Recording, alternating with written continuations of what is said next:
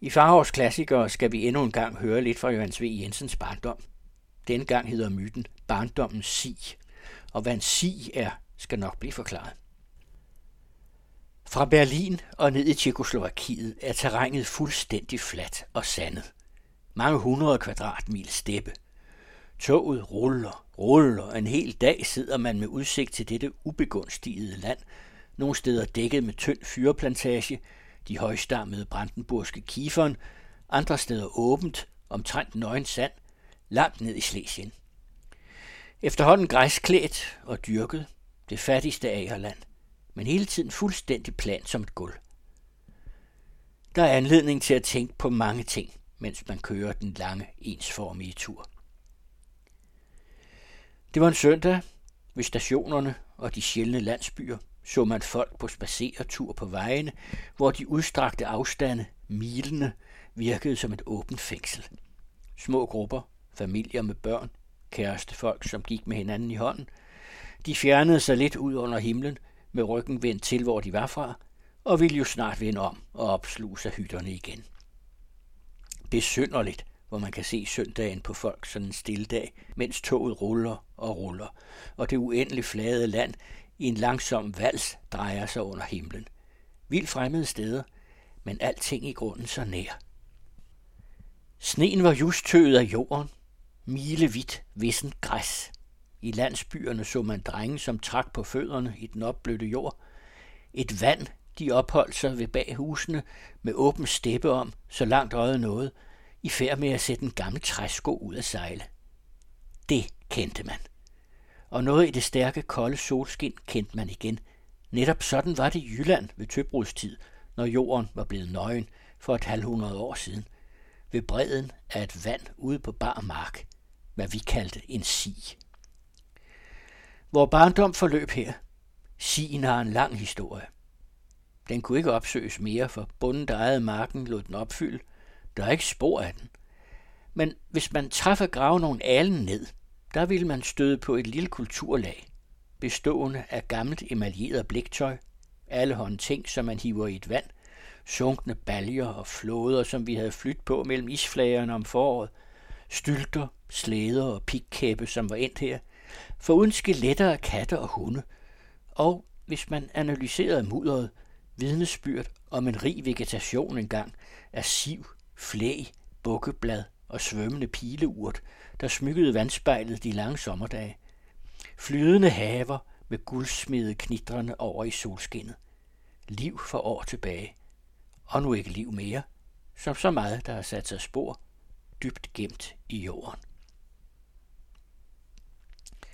En situation står klarere for mig end utallige andre der ved Sien.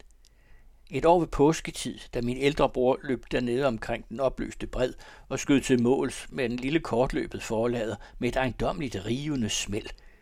Skiven havde vi på den modsatte side af Sien. Klar bane, og hver gang han havde skudt, galopperede han rundt for at tælle havlene i skiven. Han var det raskeste til at løbe. Han var blevet konfirmeret samme dag, var i konfirmationstøjet som en herre med kravetøj og lange bukser, på en gang blev en voksen. Og samme dag skulle han rejse til Aalborg i handelslære. Dagen kunne ikke fejres fordelagtigere end ved noget skydning med forbudte våben. Dyrlægen ude og frit udblik til vejen, i god tid inden han viste sig igen. Så det sidste krudt blev brugt, og kammeret i den gamle opbrændte forlader prøvet. Det holdt mærkværdigvis hver gang – Ingen magt på jorden kunne holde os fra skydning. Sovløs galopperede den lange konfirmerede dreng omkring sin, og i triumf kørte han længere hen på dagen med sin selvtømrede kiste bag i vognen, sådan som vi alle tømrede vor rejsekiste. Rappe Hammerslag, da vor tur kom.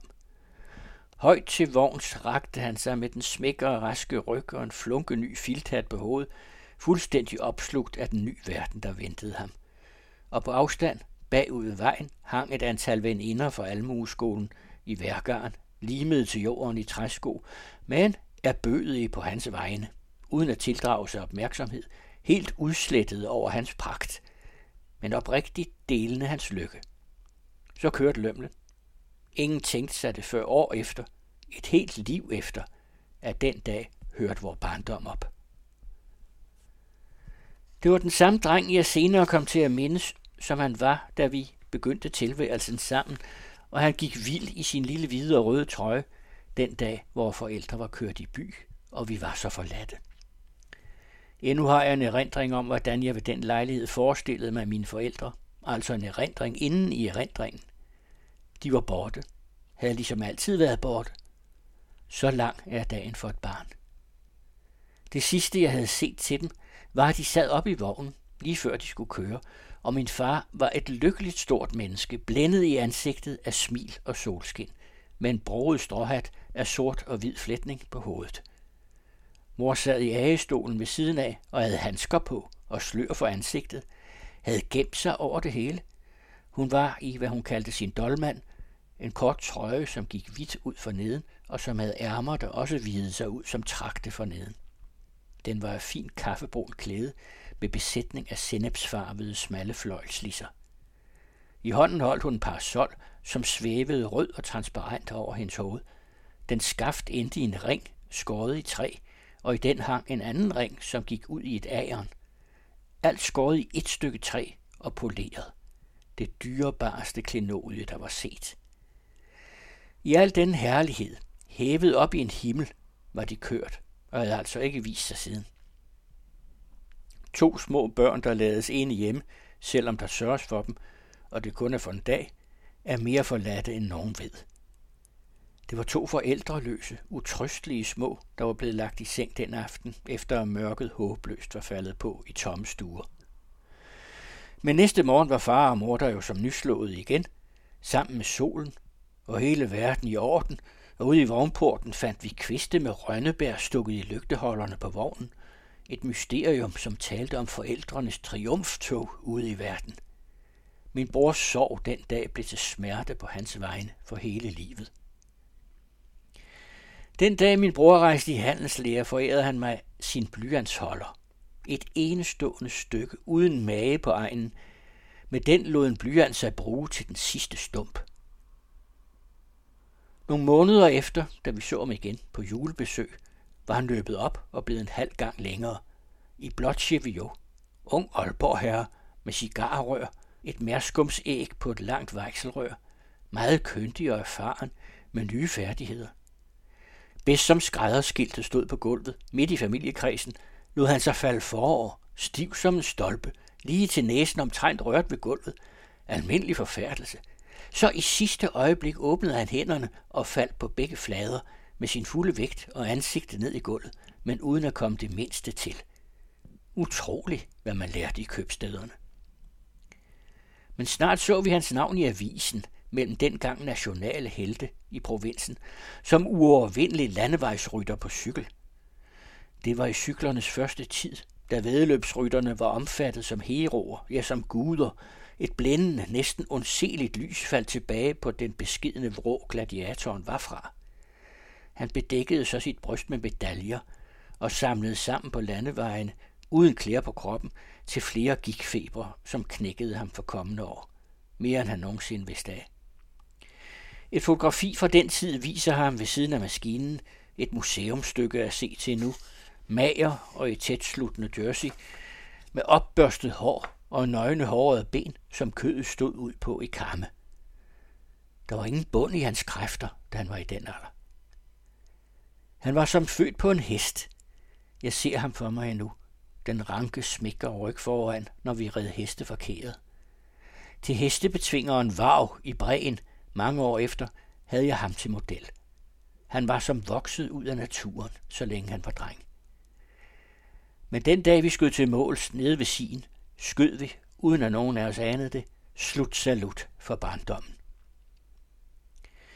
På landevejen mellem Nibe og Valpsund, som gik gennem vor by, færdedes ofte handelsrejsende, som besøgte købmanden. En af dem var særlig statligt kørende, med store vokstuskister med messingsøm i bag på vognen. Han havde et alle langt tvidelt skæg, der blæste ham som to rævehaler bagud over pelskraven, når han kørte. Gennem drengeårene så min bror i denne store mand sit ideal. Nogle år efter jeg var kommet til København og studerede, der dukkede min bror en dag op.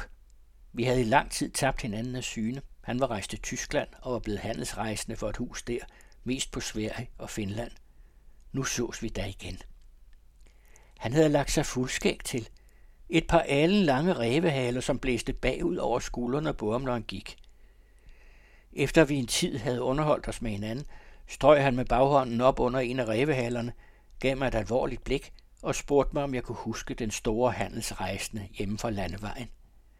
Han havde nu åbenbart set sit livs drøm gå i opfyldelse. Men der måtte alligevel have været noget i vejen, enten med drømmen eller med opfyldelsen. For i følgende år igen mødte han op klippet. Han bevarede fuldskægget, men mere og mere stusset. Først på sygelejet, der blev hans sidste, voksede det langt igen, men der var det hvidt. Sådan som vi havde set vores bedstefar, da vi var drenge, med det lange hvide skæg, sådan timedes det mig at se ham. Og han fik hans tonefald, med en gammel mands forundring i, let rørt, glædet, når man kom og så til ham. Han døde for et par år siden nu, knap 60 år gammel. Tilværelsen havde været hård ved ham. De sidste år under og efter krigen var jo ruin for ham, som for så mange. Helbredet undergravet. Ingen håb for ham mere. Han havde sultet, da han kom hjem fra blokadeårene i Tyskland under krigen. Siden tog inflationen alt, hvad han ejede. Han var underernæret, sad lidende ved bordet den dag han kom, og spiste, spiste. Musklerne snørrede sig som sejlgarn på kæberne af ham. Han var fantastisk mager, forgræmmet og underlig hår. Det var kommet så vidt med ham, der dog var en ordentlig købmand og aldrig havde været fattig, han var vandret ud af Hamburg om natten med en pose under klæderne og havde stjålet rugeaks på markerne uden for byen. Vel huskede jeg ham, som han var, da han drog ud i det fremmede. Den lykkeligste af alle drenge. Alles bedårer, vendesæl, med håret fløjet fra panden. Altid en flugt. Og sådan kom han nu tilbage. Gammel og ødelagt. V på hans vegne havde ophobet sig allerede i drengeårene når han kom i fortræd, styrtede sig i en tumult med drenge, der var større end han, og erhvervede et blåt øje, når hjemlige magter indtog en retfærdig, truende holdning. Det var altid ham, der gik først, når vi kom hjem timer efter spisetid og havde været faldet i kæret og tørret klæderne på kroppen, og vi i køkkenet forsigtigt rekognoserede stillingen, og mor var gal og det var ham, der gik foran ind i løvindens hule, og med et vittigt og forlystet ansigt på stedet opfandt et epos om de mest usandsynlige spejlede omstændigheder, der havde hindret os i vores pligt. Men hvis der alligevel vankede stry, tog han det uhævngærigt, som en ubehagelighed, vurderet efter varigheden, og havde siden, når vi trøstede, sad i mørket i sengen med hver sin rundtom, indsmuglet af vores forbundsfælde i køkkenet, tekniske bemærkninger til overs for straffen, som han fandt præget af plumphed og ukyndighed. Han ragede sig i mange ulejligheder, og det sårede en anden en mere, end om han havde været genstand for selv. Senere i årene var det jo hårdhed det meste. De veje han gik. Standsbegrænsningens lukkede verden. Tilværelsen kun fra en enkelt åndsfortærende side. Tomt selskab, som fuldt med hans omflakne erhverv skønt han hele livet bevarede en uberørthed i karakteren. Dyrlægens traditioner, der ikke kunne brydes ned. Lagt sammen bagefter. Lykkeanlæg, en largesse, som han var født med, kom aldrig til udfoldelse. Årene, kræfterne gik. Et fjernere og fjernere savn om nogle rent ud blændende begasinjagter blev tilbage. Livet er kort. Det gik ham også forbi. En gang som drenge havde vi fået lov at køre med i en bondevogn. Jeg kravlede heldigt op over bagsmækken, men i det manden kørte til, blev min bror løbende bagefter, slog sig i munden på den hoppende vogn og sakkede agterud. Jeg så ham smile med de blødende tænder, glad over, at jeg var kommet med i vognen. Det står for mig nu som sindbilledet på hans hele liv. Angående såkaldt højere ting, bevarede min bror livet igennem til det sidste en ikke engang bemærket tavshed. Problemet liv og død eksisterede ikke for ham. Han var såvel konfessionsløs som uberørt af fritænkeri, der også er en sekt, som anmasser sig andres tænkemåde. I denne stoisk-indianske hårdførhed over for tilværelsen lignede han min mor. Det er jo det sande, illitterære hedenskab. I virkeligheden en stor part af menneskeheden, især kvinder, har det jo sådan, er en funktion uden slinger, Men det ligger i sagens natur, at hvad der ikke ytrer sig, heller ikke gør sig gældende. Det har noget fornemt, end ikke nogensinde at have truffet valget mellem den ene eller den anden livsanskuelse. Det sidste, vi havde sammen, inden han blev sengeliggende, var en formdags riffelskydning ude på Amager. Han undgik at skyde stående, men i liggende stilling kunne han endnu få flaget til at sænke sig ned over skiven og vise, at tigeren var skudt. Umiddelbart før han døde, da han var i den sidste morfinrus, lagde han sig hen og erklærede, at nu tog han i skoven med Anna. Hvem det var, er ikke opklaret.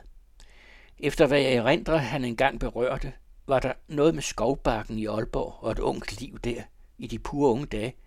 Kan ske, det var den overdækkede erindringsverden, han til allersidst vendte tilbage til. Han døde barnløs.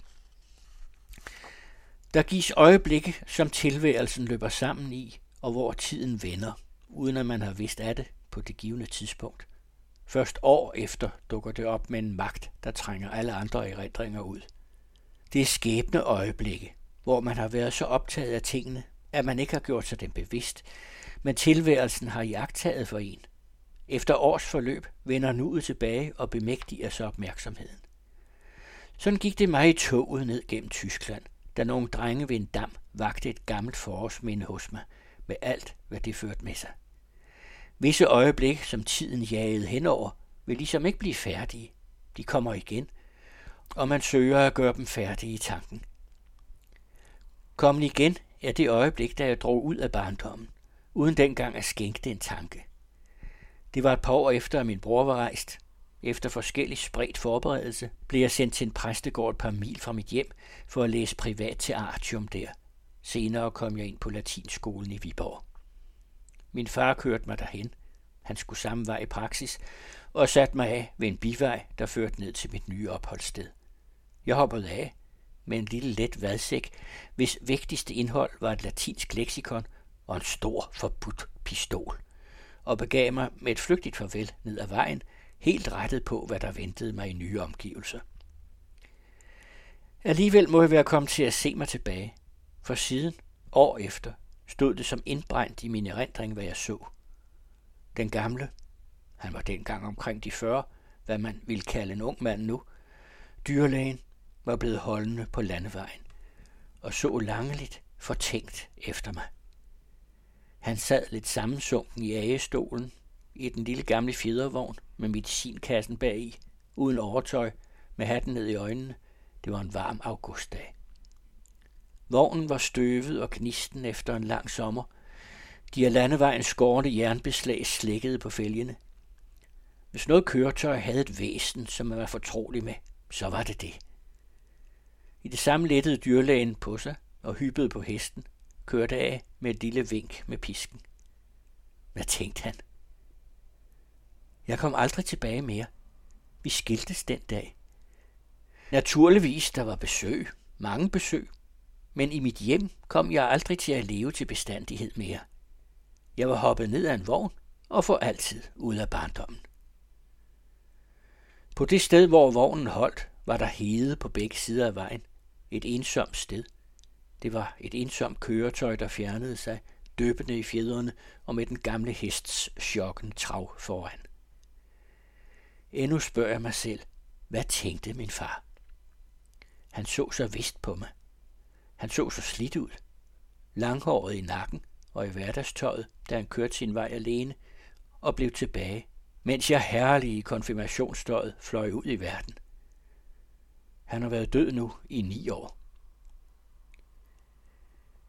Den sidste gang, jeg så min mor, inden hun døde, var i København, hvor hun var over på besøg. Hun sad på en divan midt i stuen, da jeg blev lukket ind, ganske alene, fuldt påklædt, skønt det var ret tidligt om morgenen. Jeg har aldrig nogensinde set min mor stå op eller gå i seng. Hun var oppe, når alle andre vågnede, og hele huset sov, før hun lagde sig. Nu er hun altså som sædvanligt kom tidligt op og sad vasket, endnu lidt våd i håret, umagelig ret op og ned på divanen. Hun havde sat sig hen og ventet, med hænderne foran sig. De små, tætte arbejdshænder, som hun ikke havde skånet i sit liv.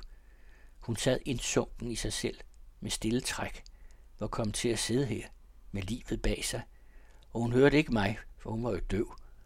Hun strøg sig over håret ved tændingen, en bevægelse jeg kendte. Mig en resignation og energi, som blev ved at fødes i hende, trods alt. Der må der have været en bevægelse i luften, som sagde hende, at nogen var i stuen. Hun så pludselig op og fik øje på mig. Og det skyede indadvendt i hendes træk, gik som en på en gang frembrydende sol over i et smil. Et henrevet, sødt smil. Sådan som man lærer, når man ser små børn. Ja, jeg var mere end en halvgammel mand allerede da, men det var jo barnet, hun så i mig endnu, og altid ville se. Det lille væsen, hun engang havde givet liv, og som havde været hendes lykke. Sådan som man selv bliver ved at se sine børn som små, endnu efter de er blevet voksne. Hvor tiden smeltede sammen i hendes smil. Min mor havde været sådan et nidkært menneske, men skønnere gennembrydende lys, end da hun blev overrasket og lå til sin dreng, har jeg aldrig set. Hun døde ret snart efter, 77 år gammel. Mens toget rullede, rullede ned gennem Tyskland, kom disse øjeblik til at stå så levende for mig. Øjeblikke i flugten, genoplevet i flugten. Barndommens sig, hvor vi satte vores fantasiskibe ud af sejle, er jævne med jorden. Ploven går hen over den. Men i mytens ring er den altid lige nærværende. De svømmende pileurters røde øer i vandspejlet om sommeren, med dyb under og besøgt af guldsmede med solild på vingen. Den første is om vinteren, som vi prøvede med træskoen en rimet morgenstund, inden vi gik i skole. Tøbrudet ved forårstid, når det krystalklare levende vand åbnede for ny, dybtliggende, forlangende instinkter. Med hien begyndte tilværelsen, og med hien vender den tilbage i sig selv. Hermed ender myten om barndommens sig. Der kommer endnu et par myter af Johannes V. Jensen i de kommende ugers klassikere.